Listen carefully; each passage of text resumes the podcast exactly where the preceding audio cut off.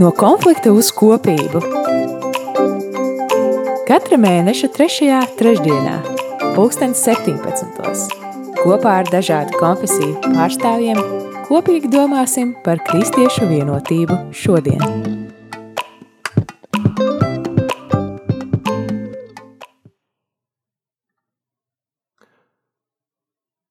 Labvakar, radio Marija klausītāji! Ir 17. novembris, trešdiena, 5 vakarā. Ar jums studijā esmu es, Vilis Bukšs, skan raidījums no konflikta uz kopību. Kā ierasts tiekamies ar dažādu konfesiju pārstāvjiem, lai pārunātu jautājumus no konfesijas skatu punkta un veicinātu ekumenisma dialogu Latvijā.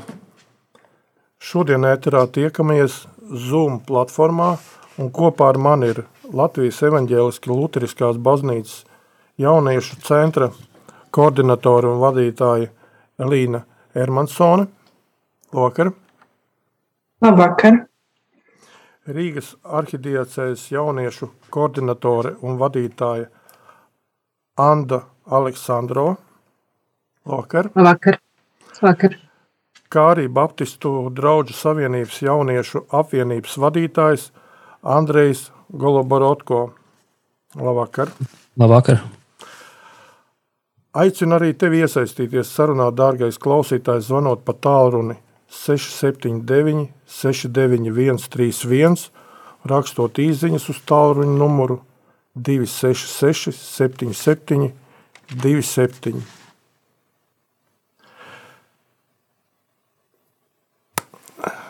27. septembrī tika publiskots pāvesta Franciska vēstījums 36. pasaules jauniešu dienām, kas šodien diacējas līmenī Latvijā tiks atzīmēts 21. novembrī. Tās temats ir ņemts no apustuļu darbiem 26. nodaļas 16. panta Celies es tevi ieceļu par liecinieku tam, ko tu redzēji.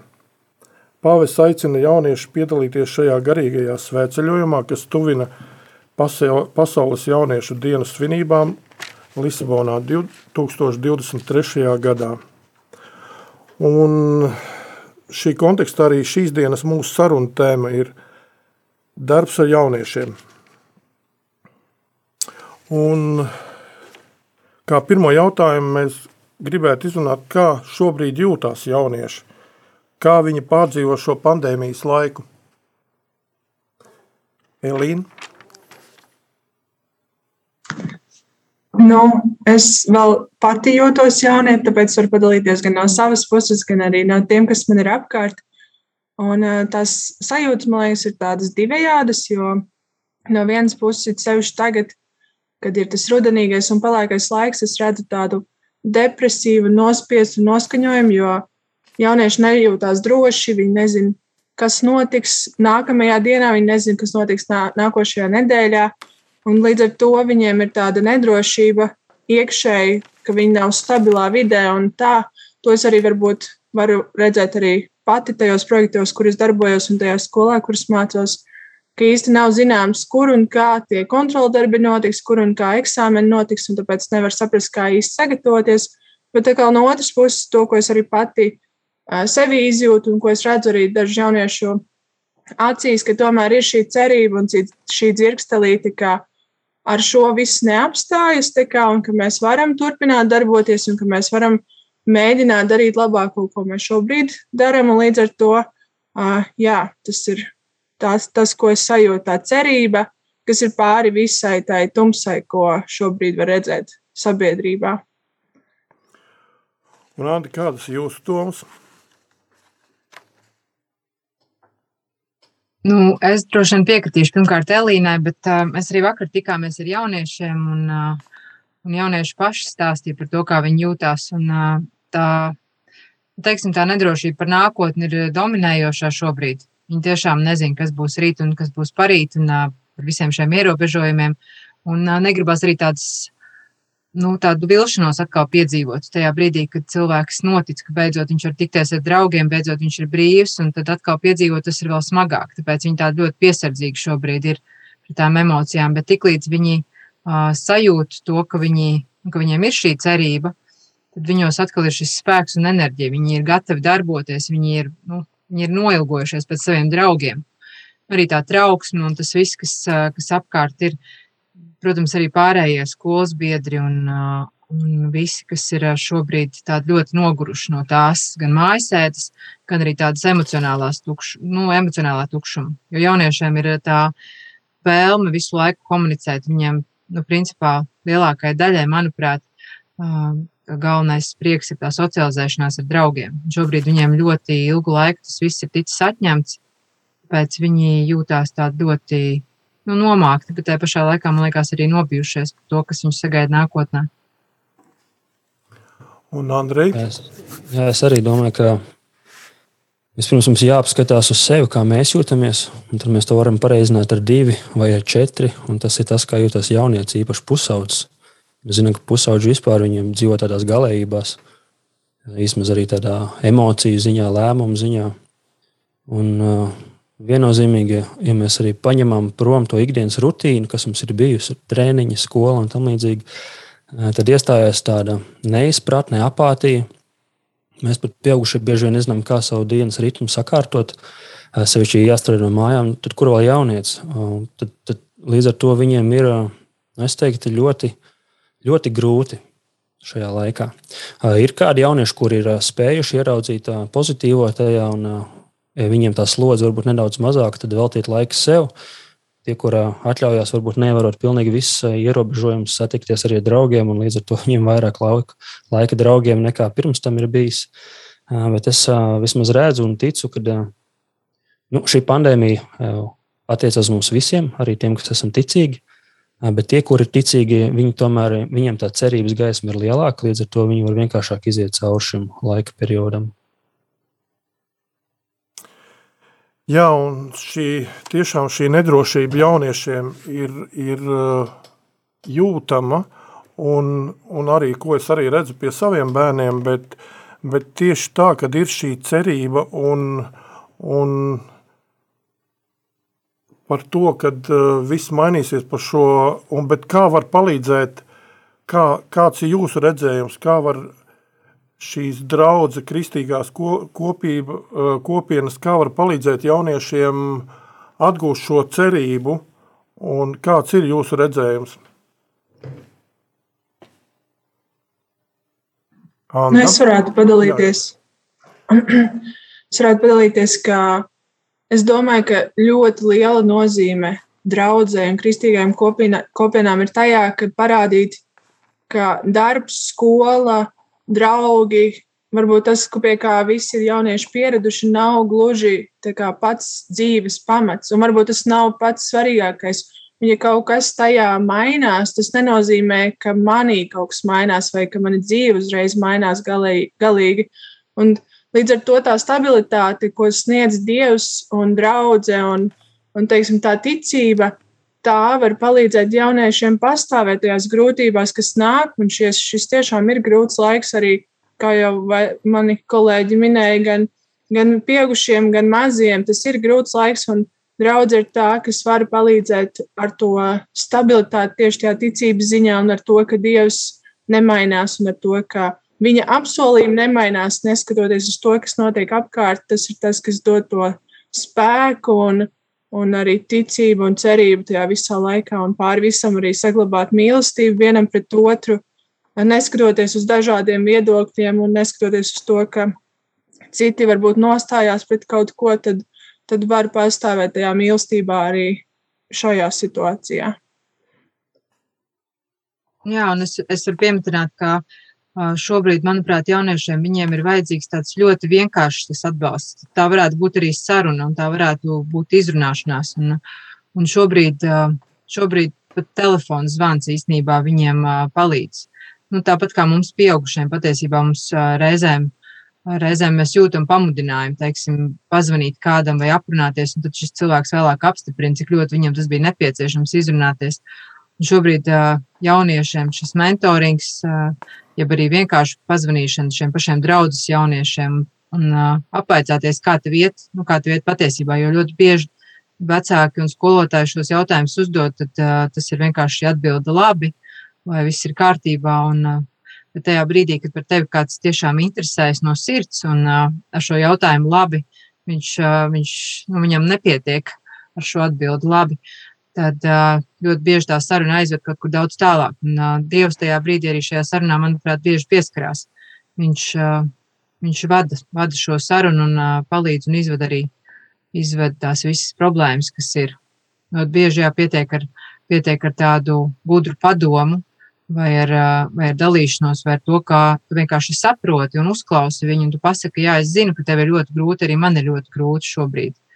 Bet es piekrītu, ka tā cerība, kas ir kristiešiem, viņa šobrīd ir tā, kas patiesībā notur. Arī daudzus jauniešus viņa notur.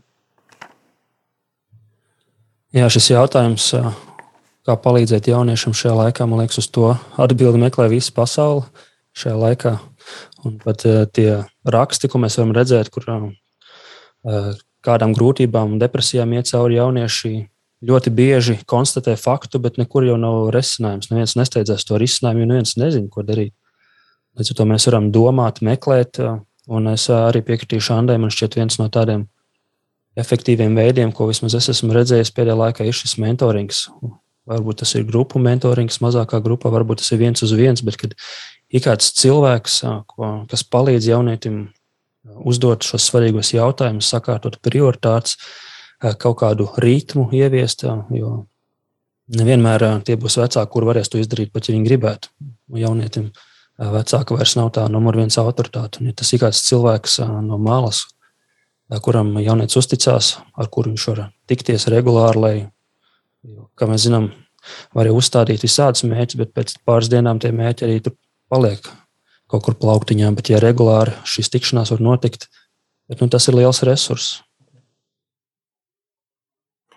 Jā, un, un tieši jūs tieši arī es gribēju teikt to, kad, kad cik svarīgi jauniešiem ir šī kopā būšana, šī saskarsme, šī komunikācija un uh, saruna, un kad uh, tiešām draudz un šīs kopienas var būt tādas kā oāzes šī tuksnesī, kas ir apkārt, un jo jaunieši tagad ir tā kā apjukuši arī mēs nezinām, kas būs rīt, un, un viņi to visu pārdzīvo, kā jūs arī labi teicāt, dubultā.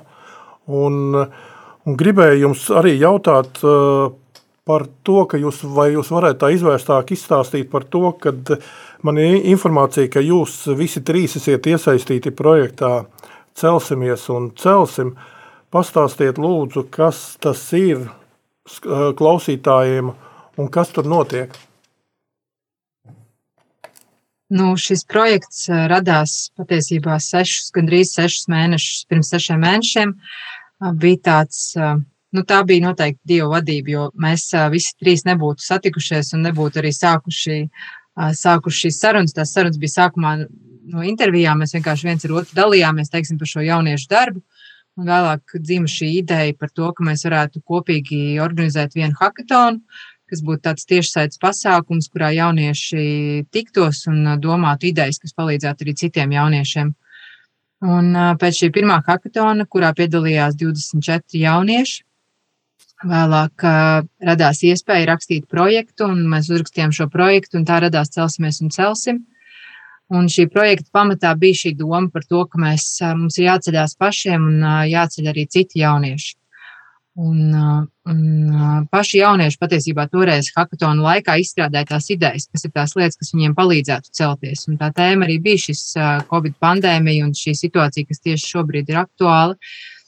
Un no viņu puses bija vairākas iniciatīvas. Viena no tām bija um, žēlsirdības darbi, ja brīvprātīgais darbs un tas, kā palīdzot citiem, viņi paši spēj celties. Viņi, viņi vēlas dalīties ar tiem, kam ir mazāk par viņiem, un viņi vēlas darīt citu labā kādas lietas. Um, otra lieta bija mentorings, ka viņiem ir vajadzīgs tieši šis mentorings, kur Andrēs pieminēja. Viņiem ir vajadzīgs kāds, ar kuru parunāt, kas nebūtu uh, skolotāji vai, vai vecāki. Uh, vai skolas psihologs, bet viņiem ir vajadzīgs tāds draugs un atbalsts, kas viņus mazāk māca, bet vairāk uzklausa, ar kuriem viņi var būt atklāti un, un dalīties.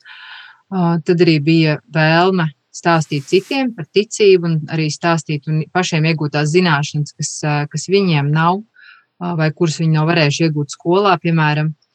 Tā radās ideja par šo podkāstu veidošanu, Radio arī Latvijā, ko jaunieši dotajā brīdī arī aktīvi dara. Viņi ieraksta šos raidījumus par dažādām tēmām, kas ir, kas ir viņiem aktuāls, arī, piemēram, par, motiv, par motivāciju, kā sevi motivēt, vai, vai par, par labsajūtu, gan par garīgo, gan par fizisko labsajūtu, par visām šīm tēmām, kas viņiem ir svarīgas. Tāpat arī liecības. Viņi vēlās dalīties ar savām liecībām un runāt par tām tēmām, kas, kas viņiem sāp piemēram, mobbings, par to, kas notiek skolās. Un, un mums ir ierakstīti, nu, ierakstīti principā visi raidījumi. Šobrīd arī notiek tāda aktīva viņu montēšana un veidošana. Un jau celsimies, celsim kanālos, var, var redzēt pirmos divus raidījumus. Manuprāt, ļoti veiksmīgi, jo jaunieši paši to visu ir izveidojuši. Un, un tas ir ļoti iedvesmojoši. Un, un, jā, un tādā veidā mēs esam. Tādā veidā mēs esam sanākuši kopā un mēs cenšamies kā, stiprināt viens otru, un jaunieši arī stiprina citus. Droši vien, ka Elīnai vai Andrei vēl kaut kas piebilstams par projektu.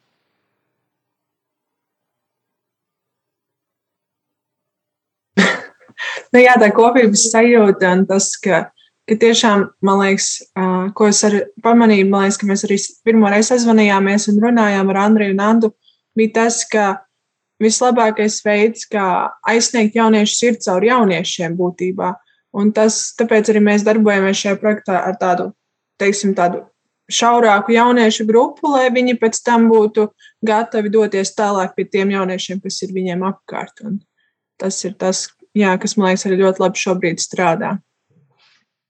Jā, tad, manuprāt, tas foršākais tajā ir tas, ka šis ir tāds kā starpkonfesionāls projekts.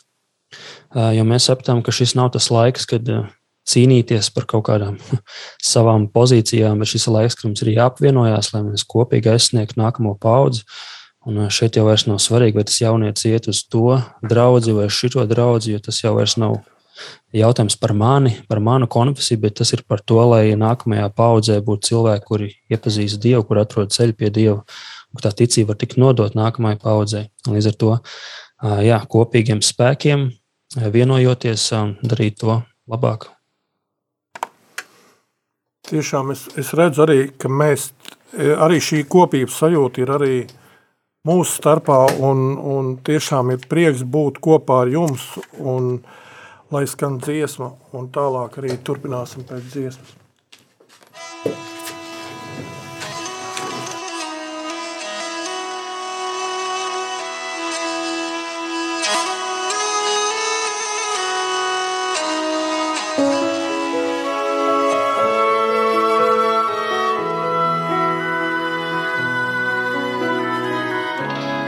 Paceļu acis uz kalniem, no kurienes man glābiņš nāks.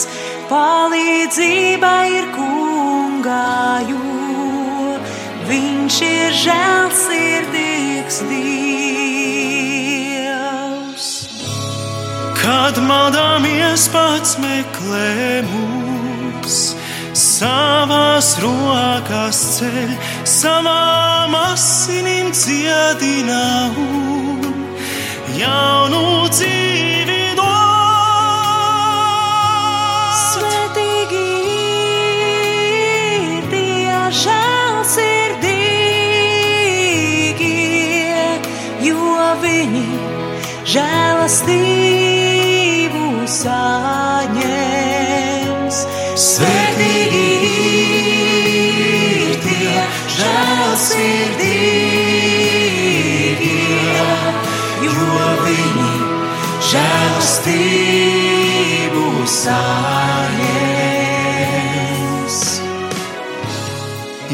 kungs vainas mums nepiedos, kurš spētu pastāvēt? Taču viņš piedod, un tāpēc arī mēs piedosim, kā viņš.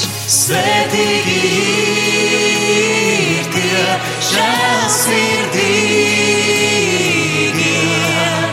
jo viņi žēlastību saņems. Svētīgi ir tie žēlsirdīgie, jo viņi žēlastību saņems.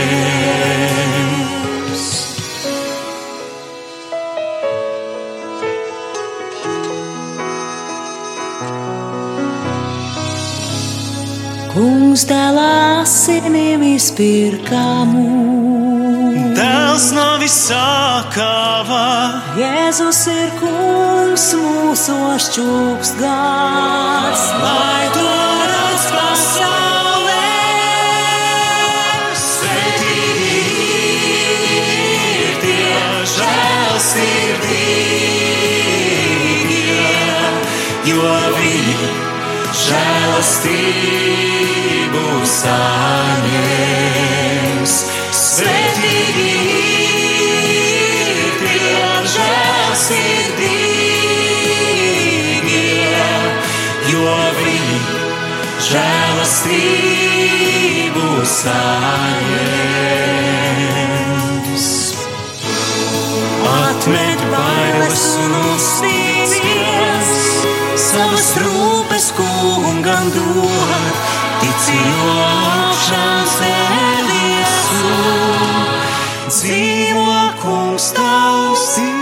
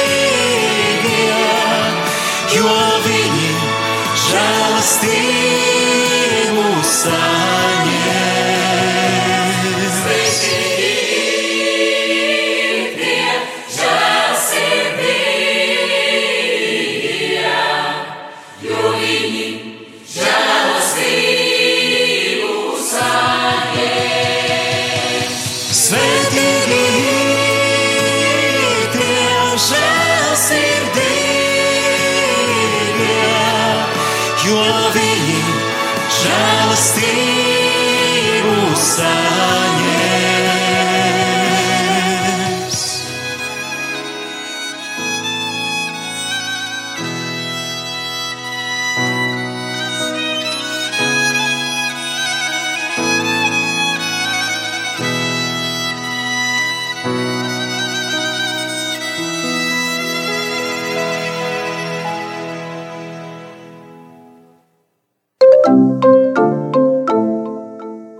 No konflikta uz kopību.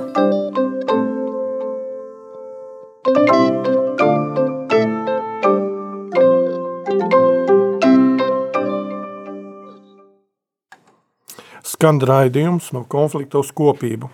Radio studijā esmu es, Vilis Bukšs, un kopā ar mani ir Latvijas evaņģēliskās Lutriskās baznīcas jauniešu centra koordinatore un vadītāja Elīna Ermansone, Rīgas arhidiecēs jauniešu koordinatore un vadītāja Ande, And, Anda Aleksandrova un Latvijas Bapti- Baptistu draudzes savienības jauniešu apvienības vadītājs Andrejs Goloborotko. Nākošais jautājums, par kuru, kuru mēs varētu pārdomāt, ir, kā, kā jūsu kalpojums jauniešiem palīdz viņiem tuvoties un vairāk iepazīt vienam otru no citām konfesijām. Andrej, Jā, nu, mēs esam tikko sākuši. Kā jau Anna minēja, tas projekts iet pusgadu. Un, par laimi mums izdevās paspēt vēl sanākt kopā. Pirms bija lockdown. Mēs bijām Mazirbē, mēs bijām Kurmenes mūžā. Tur šiem jauniešiem izdevās arī sanākt kopā, iepazīties. Un interesanti vērot, kā viņiem pašiem rodas kādi jautājumi. Un, uh, viens ir, ka viņiem rodas jautājumi, bet arī mums pašiem bija interesanti ieraudzīt, piemēram, kā, kā notiek dievkalpojums uh, citā konfesijā. Uh, mēs vēl tieši kaut kad uh, runājam savā starpā, kad uh, arī terminoloģija ir citādāka. Mums ir jāiemācās pat, ko šie vārdi nozīmē citā konfesijā. Mums pašiem ir interesanti iepazīt, um, kā tas notiek. Un, um, tieši tāpat jauniešiem viņiem rodas jautājumi, kāpēc ir tā, kāpēc tā, un tad ir iespēja arī atbildēt. Bet, Katrā ziņā jaunieši daudz brīvāk ir tajā, kā viņi viens otru pieņem, uztver, draudzējas. Viņam nav tādu aizspriedumu, kas varbūt veidojušies, un tā draudzība daudz dabīgāk veidojās. Jā, ir skaisti redzēt, ka viņus es arī atceros to mazirbi, ir skaisti redzēt to vienojošu elementu, ka viņas, nu nevis elementu, bet to, kas viņus vieno, jā, tā ir ticība un uh, tas ir Jēzus, un viņi, uh, viņi nevienu brīdi patiesībā nu, nedala un uh, nepārunā to ar tādu uh, pārākumu vai ar kaut kādu veidu tādu, nezinu, naidu vai ar kaut ko, kā kaut kas mūs šķeltu, ka vispār būtu kāda veida konflikts. Nu, ir tāda drīzāk interese par to, kāda ir atšķirība, kāda ir, kāda ir tā, kas notiek jūsu draugzēs, kas notiek, kas notiek jūsu baznīcā. Un tajā brīdī, kad viņi mazirbē bija, un, un tajā brīdī, kad viņi slavēja, slavēja un vakarā dziedāja šīs dziesmas slavēšanas, mums bija kamīns un visur apkārt bija sveces, un viņi tur kopībā slavēja Dievu vairākas stundas, dziedot dziesmas dažādas, un citas dziesmas zināja, visi dažas dziesmas zināja, daļa no jauniešiem. Tas bija tik ļoti skaisti vienojoši. Un arī šis kopīgais dievkalpojums, kur mums bija iespēja svinēt kopā, tas, protams, bija interesanti arī mums pašiem. Jo es arī nebiju piedalījusies īstenībā tādā ekumeniskā dievkalpojumā, nu, kas būtu um, tieši teiksim, mums par godu nu, tiktu svinēts. Un, un bija iespēja gan personīgi teikt šīs lūkšanas jauniešiem, gan arī, gan arī pēc tam kopīgi lūgt. Un tas bija ļoti jā, skaists, vienojošs.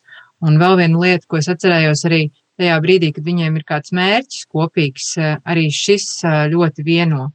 Piemēram, mums, mēs devāmies braucienā uz kurmeni. Kā jau minēju, viens no šī projekta mērķiem bija organizēt uh, vai piedalīties brīvprātīgajā darbā, un ir biedrība Nepaliec viens, kas darbojās ar bērniem ar autiskā spektra traucējumiem. Un ir ļoti daudz jauniešu, kas jau ir iesaistījušies tajā bez arī šī projekta, iesaistījušies tiekās ar šiem bērniem un jauniešiem, pavadīt ar viņiem laiku kopā. Jo tas, kas viņiem ir svarīgi, lai ne tikai ar viņiem nodarbotos aprūpētāji vai skolotāji vai viņu vecāki, lai arī vienaudži būtu ar viņiem kopā un pavadītu šo laiku. Un šie jaunieši atrod brīvo laiku uh, savās brīvdienās, un viņi dodas izbraucienos. Tad mums bija iespēja pievienoties. Un arī šobrīd ir plānotas dažādas aktivitātes, gan uz Ziemassvētku laiku, kādā veidā iepriecināt šos bērnus un ģimenes. Un, un tajā brīdī, kad viņus vieno šis vienotais mērķis, tad viņi, um, viņi patiesībā ir daudz vēl spēcīgāki. Viņi spēj spēc, nu, spēcināt viens otru un, uh, Mums bija iespēja gan, gan kopīgi jā, braukt uz šo mūžu, gan kopīgi uh, pavadīt laiku un iepazīt vienam otru. Jā, arī man liekas, tas uh, fantastiskā, fantastiskākais ir tas, ka uh, jaunieši kā, nu, tomēr esot tajās draudzēs, kur mēs esam, tajās konfesijās, kur mēs esam, dzirdot, ko, piemēram, pieaugušie runā, tomēr rodas kaut kāda veida stereotipi vai priekšstati par to, kas notiek otrā konfesijā. Un šeit, tad, kad mēs sabraucam kopā, tad man liekas, ka viņiem beidzot, nu, kā, viņi saprot to, ka nav tā, ka ir zīmoks uz pieres, ah, tas ir Lutāns, ah, tas ir Baptists, ah, tas ir Katols, bet ka viņi saprot, ka īsībā nevar jau atšķirt, īsti jau nevar atšķirt, jo, jo mēs visi esam vienoti ticībā, mēs visi ticam Dievam, mēs visi ticam Jēzum, un tas ir tas mūsu vienojošais elements. Un kamēr mēs par to runājam, tā kā nekādas atšķirības nav. Bet uh, tas, ko es esmu pamanījis tieši arī šajā pro projektā, ir tas, ka atšķirības sākas tad, kad mēs tiešām runājam par kaut kādu teoloģisku terminoloģiju vai kaut kādiem teoloģiskiem aspektiem par to, kā notiek draudzēs liturģija vai kā notiek tas. Un tajā brīdī, jā, tur sākas kaut kādas atšķirības, bet, kā jau Andrejs teica, tas ir tas veids, kā mēs varam iepazīt, kā citās konfesijās tas notiek. Un arī man tā skaitā ir ļoti interesanti klausīties, ko, piemēram, priesteris Pēters runā, ka viņš kaut ko stāsta un vienkārši iepazīt, kā, piemēram, katoļu draudzēs notiek tās mises. Un, un, nu jā, jo man, piemēram, tā pieredze tajā nav bijusi tik liela līdz šim.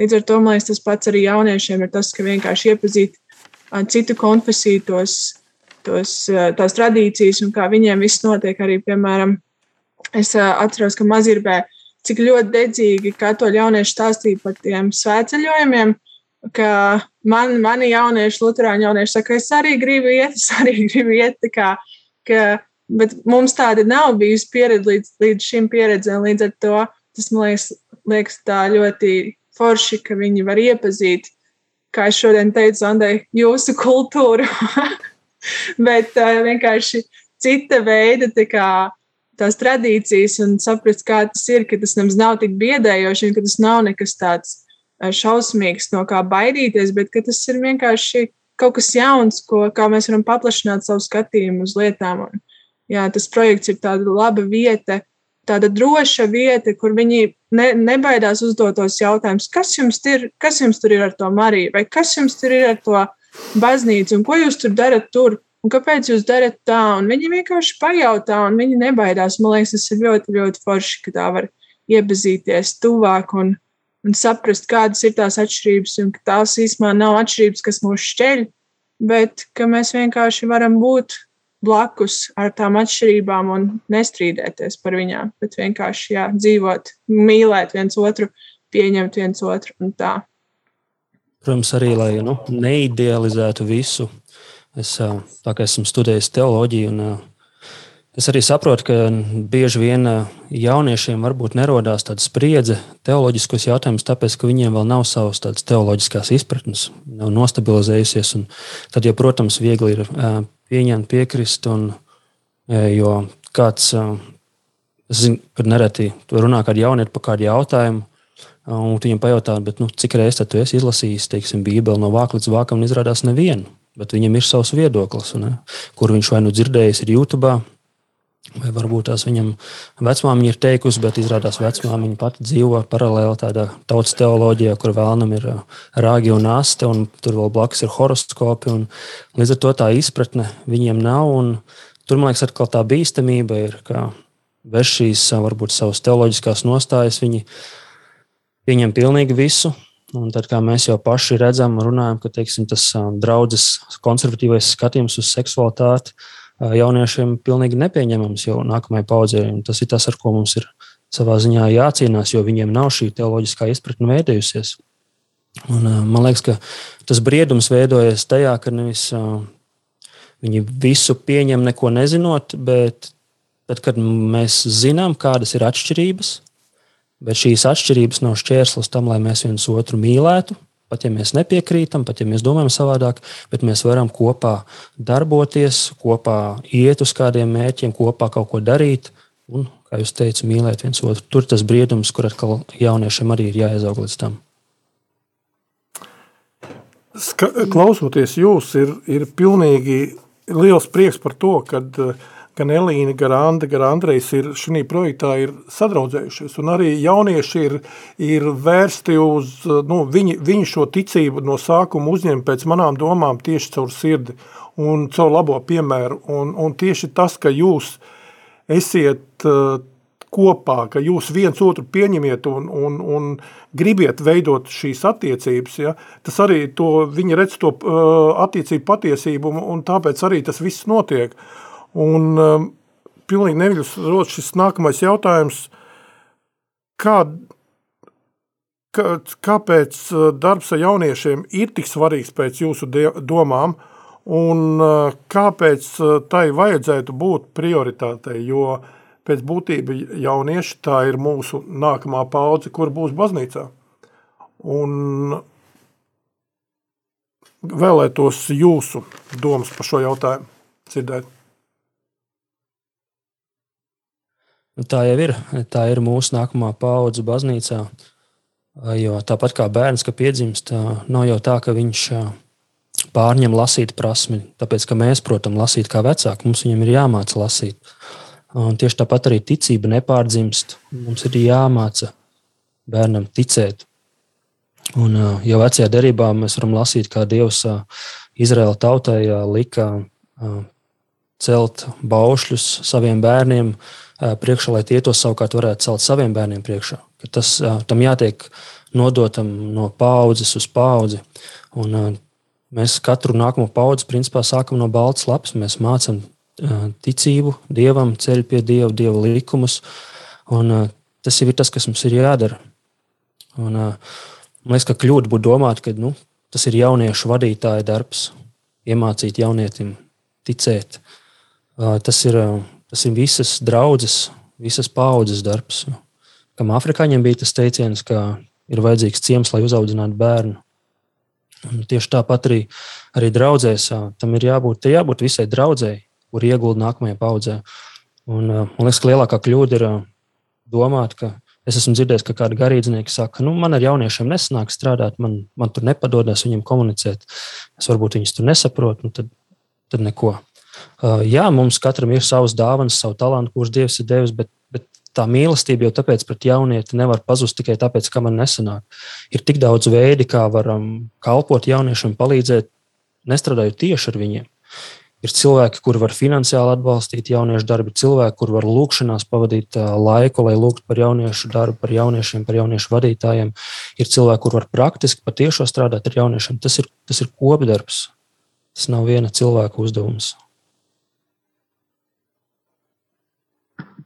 Jā, un es arī varu piebilst, ka gan es, tad, kad es sāku darboties pirms trīs gadiem, tāpat arī Anna, es dzirdēju, ka apzvanīja nu, lielāko daļu kā, jauniešu, nevis jauniešu, bet eh, draugu mācītājus. Es apzvanīju kādus simtus.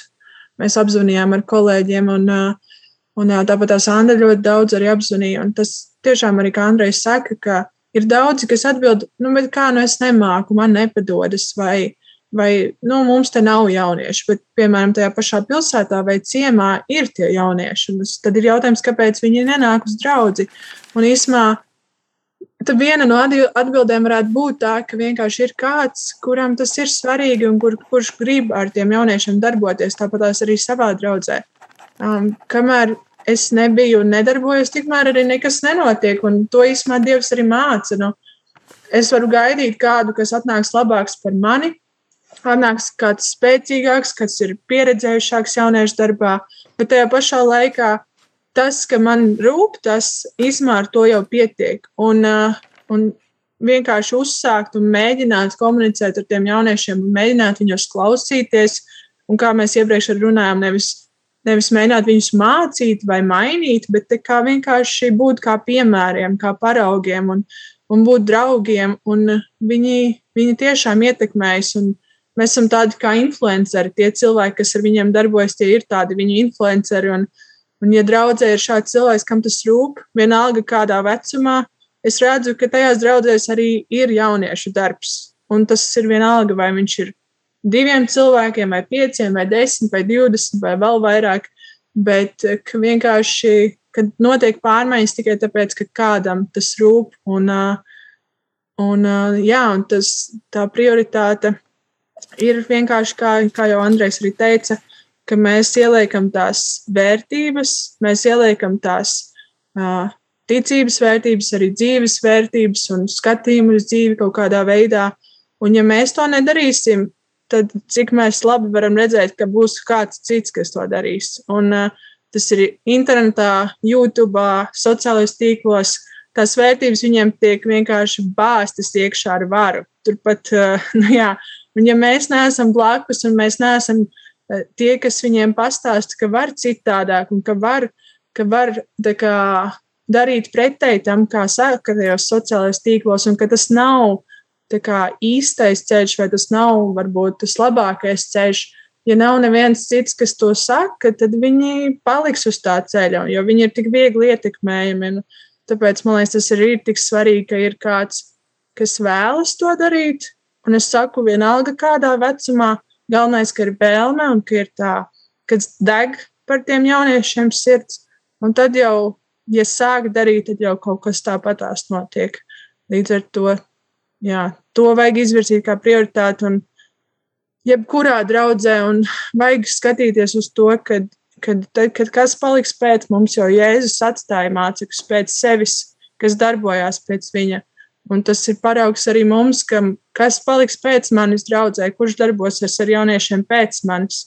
Un tad līdz ar to es tagad ieguldu laiku kādā jaunietī vai jauniešos, kas darbosies pēc manis, lai tas turpinātos paudžu paudzēs atkal.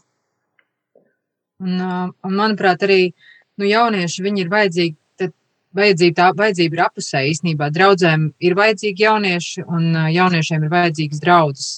Jo mēs arī redzam, tajā brīdī, kad mēs esam draudzēs, kas ir dzīves, kāds, kāds, kāds gars tur valda.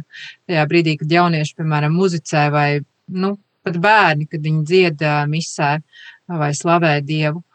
Un, un man tas, man tas aicinājums, neteiksim aicinājums, bet tajā brīdī, kad es biju šajā oāzes nometnē un redzēju, kādas svētās misijas ir tur, kad šie jaunieši izsaka no sirds šos lūgumus Dievam, kad viņi, kad viņi jāslavē un dzied, kad viņiem ir šī pielūgsme, ka viņi tiešām tās misijas bija dzīves. Viņas bija ļoti, ļoti dzīves. Un, un tas aizkustinājums visiem, kas tur bija, gan pēc šīm liecībām, gan personīgās pieredzes, gan dalīšanās, bija tāds ļoti, nu, ļoti jā, dzīves. Es nevaru atrast citu vārdu kā dzīves. Tajā brīdī, kad uh, tu atgriezies tajā misē vai, uh, vai draudzē, kur uh, tas viss notiek reizēm formāli, nu, ir šī jā, dievkalpojuma kārtība, bet nav šīs dzīvības draudzes locekļi viens ar otru nesarunājas, viņi nepazīst viens otru, viņi atnāk tikai šajās svētdienās un, un viņi veido šīs attiecības nevis, manuprāt, tas bija šajā māceklības grāmatā. Man stāstīja vienais Uvis no Latvijas Kristīgās studentu brālības, ka attiecības ir jāveido tā teiksim, nevis tikai es un Dievs, bet arī es un draudzes locekļi un, es, un mēs ārpus draudzes. Un tad, kad nav šīs kopības visiem, tad patiesībā bieži vien sanāk šīs nedzīvās draudzes. Tāpēc man liekas, tajā brīdī, kad jauniešiem tiek dots šīs iespējas, šīs atbildības, viņiem ļauj lasīt lasījumus, viņiem ļauj slavēt. Viņi var nu, lielu svētību nes draudzēji. Piemēram, Ziemassvētkos viņi var gatavot dāvanas un pēc tam braukt pie draudzes locekļiem un dāvināt tiem, kas, piemēram, ir vai nu vientuļi cilvēki vai vecāku gadu gājumu cilvēki, braukt un viņus iepriecināt vai mēs iecevā esam braukuši Ziemassvētkos arī vienkārši dziedāt klusi naktas svēti nakts ar bērniem. Un, un tas vienkārši šos cilvēkus, tik ļoti emocionāli aizkustina, viņi tik ļoti sajūt tajā brīdī dievu tuvumu, ka viņi nav vientuļi. Man liekas, ka jaunieši ir, ir gatavi šobrīd, viņi ir tādi entuziasma pilni, neskatoties uz to visu, bet viņos ir iekšā šī deksme. Un, ja mēs viņus vadām un ja mēs viņus mākam pareizi, teiksim, novirzīt, jo viņiem reizēm trūkst šī virziena. Viņi neredz, varbūt, kur viņi varētu iesaistīties. Viņiem ir šīs bailes, bet ja mēs viņus kā pieaugušie varam vadīt, tad viņi uh, spēj tiešām radīt ļoti lielas lietas. Es piekrītu Andai, ka jaunieši kā, kā spēcīgs bults vīri, kas saka, makstīja un līdz ar to Viņos ir tā enerģija, tas, tas entuziasms, un viņi tagad ir durasāli zeķīši, kur ir gatavi iet un iet. Un mums vienkārši jāpagriež pareizā virzienā. Mums atkal ir tā gudrība, mums atkal varbūt nav tā enerģija. Es pats jau jūtu, ka lēnām jau sāk zust enerģija, kas būs vēl vēlāk. Līdz ar to uh, varbūt vecākos cilvēkos nav enerģija, bet ir gudrība, viedums, bet tajos jauniešos ir enerģija, kur var iet, darīt, darboties, tā deksme, kas atkal aizdedzina tos pārējos, kur varbūt bišķiņi ir palikuši vēsāki. Tas ir tas nu, kop, kopdarbs, draugs. Tāpēc ir draugs kā ģimene. Tur ir visas paudzes. Un, ja draudzēji savā ziņā ir pateikusi vai izlēmusi mēs ar jauniešiem vai bērniem nestrādāsim, neieguldīsim, tad savā ziņā, lai cik skarbi tas neizklausītos, viņi sev ir uzspiedusi derīguma termiņa zīmogu. Tieši tā, un Andrej, es tieši vēlētos arī, lai tu piesaki nākamo dziesmu, uh, Jo cik svarīgi ir runāt ne tikai vienā valodā ar jauniešiem, bet arī to mūziku, kas, kas ir, lai viņi saprastu un viņiem būtu tuvu. Vai tu varētu lūdzu pieteikt nākamo dziesmu? Jā, nākamo dziesmu izpildīs tāds mazpazīstams reperis no Latvijas ar nosaukumu 5O. Viņa dziesma aizejot, kura runā patiesībā par māceklību, jeb ieguldīšanu šajā nākamajā paudzē, nākamajā cilvēkā. Thank you.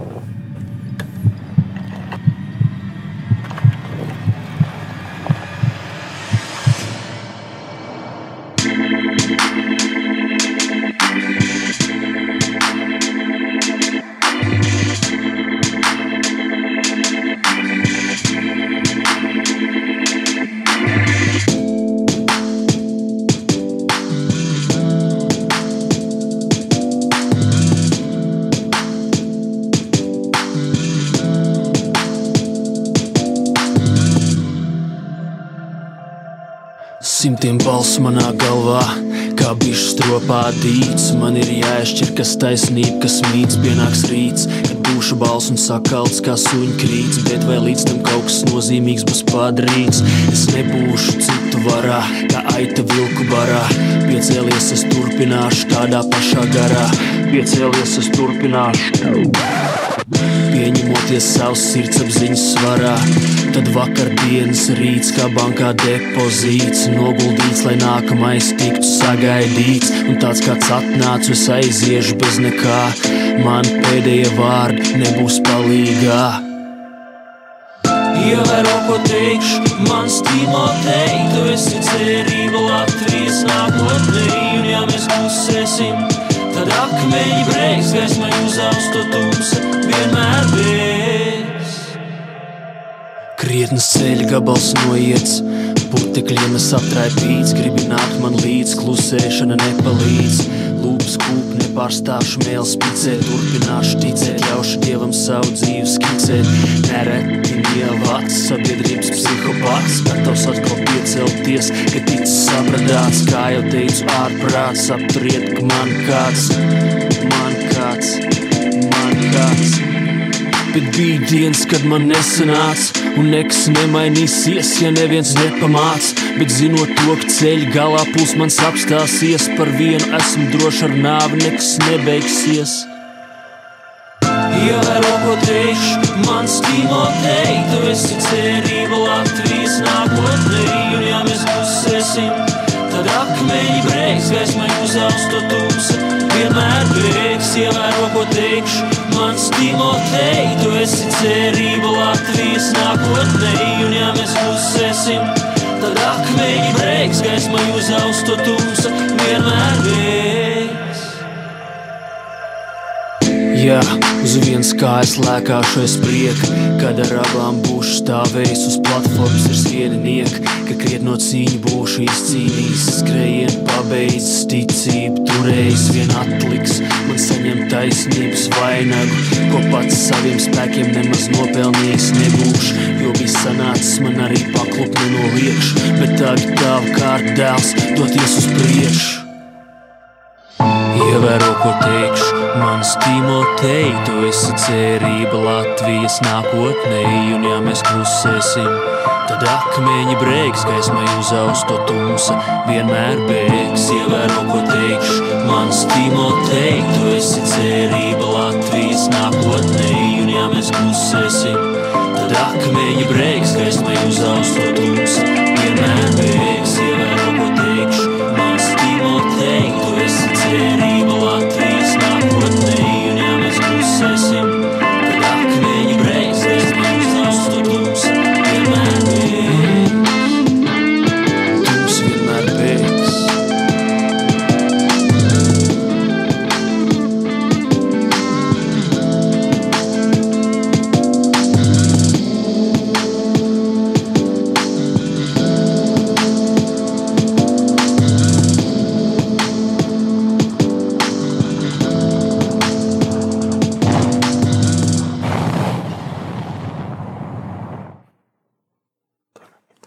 Mēs, mēs esam atpakaļ studijā, un pēdējais jautājums, ko es gribēju jums uzdot, kā jūs paši atnācāt uz šo jauniešu kalpojumu, vai jūs varētu pastāstīt šo, šo liecību, kas būtu ļoti gan man, gan arī klausītājiem interesanti?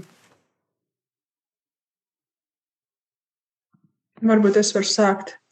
Um, es draudzē ienācu, tā, kad man bija astoņi gadi, līdz ar to es vairāk sāku ar svētdienas skolu, nevis ar jauniešu darbu, bet uh, es izaugu līdz jauniešu darbam. Un īsumā tas ir arī tas, ko es tagad pieredzu, ka mani svētdienas skolas mazie, mazie bērni tagad ir jaunieši. Un tā tā paudze iet.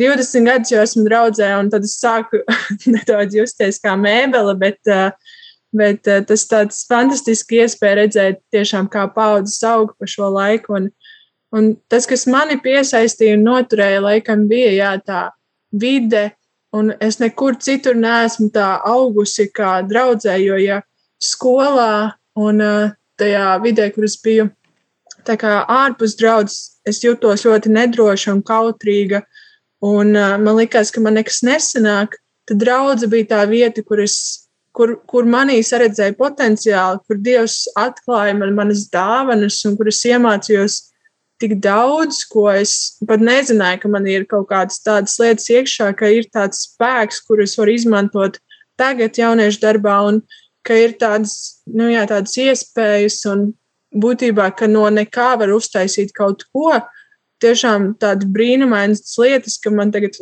pat īsumā vairs nav no daudz kā bail, jo tik daudz kas ir pieredzēts, ka Dievs vienkārši izved cauri lieliem brikšņiem un tumsai, lai varētu sasniegt to, ko viņš ir teicis, un ka tas piepildās, tas ir, tas ir fantastiski. Un es varu liecināt arī par jauniešu darbu, kas ir manā draudzē. Mēs esam maz, un arī bijām pirms tam es divas jauniešu grupas esmu jau novadījusi. Un ka mēs esam maz, bet tas, ka ir maz, man liekas, tas vēl vairāk ļauj strādāt dziļāk Un mēs bijām dažreiz mēs bijām divatā, dažreiz mēs bijām trijotā, dažreiz četratā.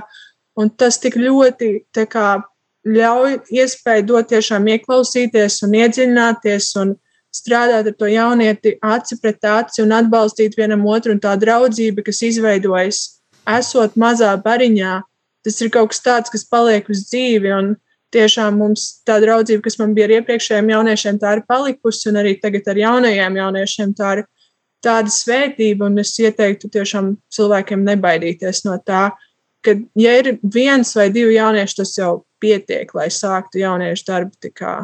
Tas jau ir tā vērts, lai darbotos. Tad es varu paturpināt uh, par manu stāstu. Mans stāsts bija laikam tāds, ka sākumā es, uh, protams, nemaz nebiju domājis strādāt baznīcā.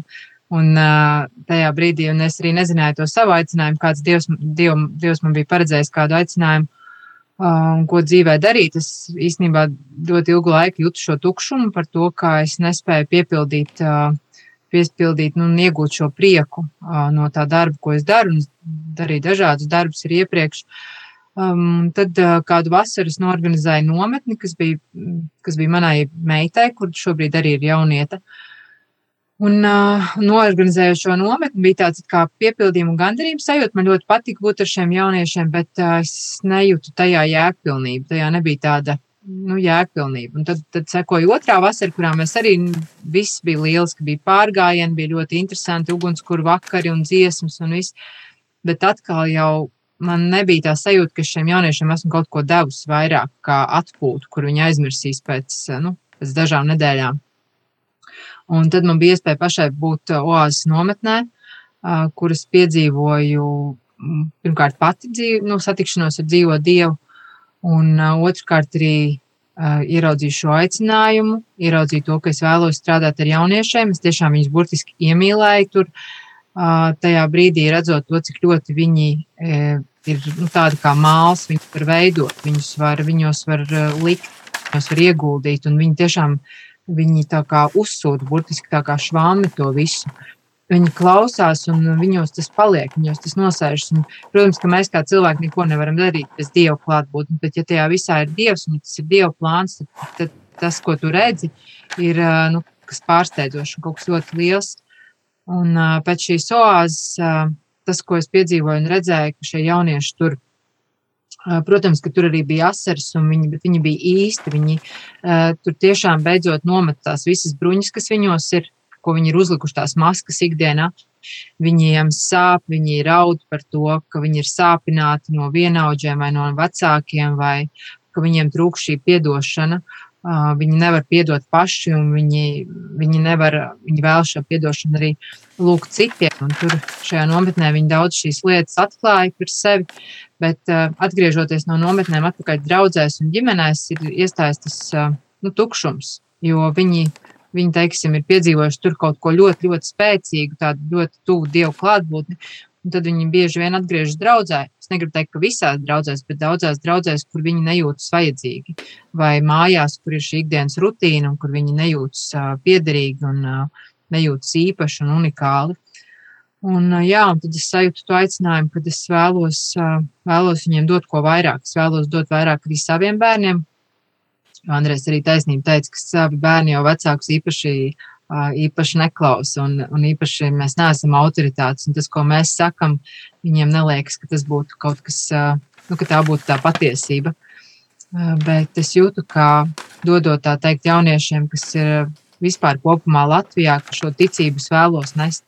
Jo arī man personīgā liecība, kas bija vēl uh, skolas gadi, un, un es arī biju tas pusaudzis, kas 14 gados izdomāja, ka Dievs man neko jaunu nevar piedāvāt, un es devos prom no draudzes. Es nebiju tik uzticīga kā Elīna, kas bija visus šos gadus draudzē un kalpoja. Es tieši piedzīvoju tādu, nu, tieši to pretējo pusi, teiksim, es biju pilnīgi atšķausies no baznīcas, no Dieva, un, un man, man, par mani valdīja visi šie stereotipi, kas ir par baznīcu kā neinteresantu celtni, kur, ir, kur tikai tevi māca un kur tev nevis mīl, bet tiesā. Un, un tā, un es sev biju norakstījusi, ka es tāpat nonākšu ellē, un man nav jēga uh, tur iet un vispār neko darīt. Un, uh, un šajā oāzē es beidzot piedzīvoju, jā, to, tas jau bija tādā pieaugušā vecumā, bet es piedzīvoju to mīlestību gan no dieva, gan no apkārtējiem cilvēkiem. Es ieraudzīju, kādi šie uh, kristieši, uh, jaunieši kristieši ir, cik viņi ļoti ir patiesi, iejūtīgi, cik viņi ir, uh, nu jā, cik ļoti viņi ir tādi īsti. Jā, nu, man teiksim, stāsts sākās varbūt tad, kad es izjūkoju padomu laikiem, aizvedu svētdienas skolu. Tie bija tie gadi, kad es iepazinu Dievu kā radītāju, bet tagad, skatoties, saprotu, ka es viņu neiepazinu kā glābēju. Un tad, ja ienākot pusauģu gadiem, es arī līdzīgi kā Anna devos prom no draudzes, baudīt dzīvi. Un uh, visu laiku bija tā sajūta, ka uh, jā, uh, es gribu dzīvot pēc Dieva prāta, bet uh, tā pasaule ir vilinošāka es izskraidīšos, izbaudīšu dzīvi, un tad vecumdienās atnākšu atpakaļ pie Dieva. Bet nu, es izskraidījos tik tālu, ka es kļuvu ar vien nelaimīgāks un vien tukšāks, un es to piepildījumu nekur vairs nevarēju atrast. 26 gadu vecumā es sapratu, ka kādas vecumdienas es, man vairs nav ko zaudēt. Es kļūstu tikai nelaimīgāks, sāpinu sevi, sāpinu citus cilvēkus. Es iepazinos kādu meiteni, kur izrādās pirmo reizi bija aizgājusi uz baznīcu. Es viņai teicu, vai vēlētos meklēt Dievu kopā, jo es pirms zinu, par viņu zinu vairāk nekā tu. Un mēs sākām kopā doties uz draugu. Un es atceros, pēc pāris mēnešiem es jau pamanīju, ka mana dzīve mainās. Es pilnībā uzticēju savu dzīvi Jēzum Kristum. Es sapratu, ka nu, ir jābūt kaut kam vairāk. Kā tikai nākt uz dievkalpojumiem, tur ziedot un, un vairāk netusēties ar draugiem. Ir jābūt kaut kam vairāk. Un es atceros, es lūdzu Dievam, Dievs, ko tu vēlēsies, es tev atdodu visu savu dzīvi, ko tu gribi, lai es daru. Un pēc nedēļas pie manis pienāca tāds draugs, jauniešu vadītājs, teica, viņš, vai tu gribētu pievienoties jauniešu kalpošanai, kā viens no jauniešu vadītājiem. Tā bija mana pirmā atbildētā lūkšana, kura 12 gadus vēlāk joprojām ir aktuāla. Pēc pāris gadiem es kļuvu par pilnu laika kalpotāju. Es uzsāku studijas Baltijas Pastorālajā institūtā, es kļuvu par jauniešu vadītāju. Vēl vēlāk es pievienojos tādai jauniešu organizācijai, kā Jauniešu virzība, kurš bija misionārs.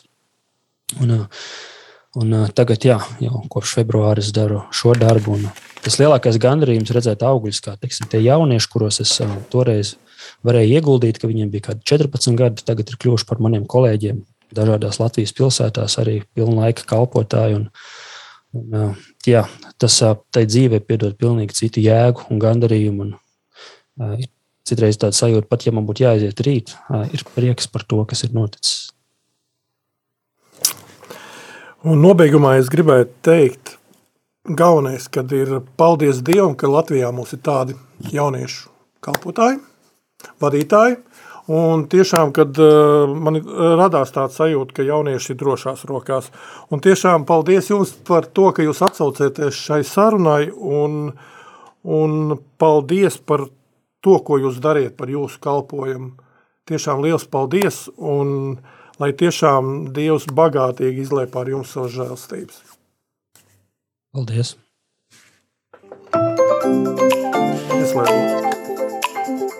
No konflikta uz kopību. Raidījums par kristiešu vienotību.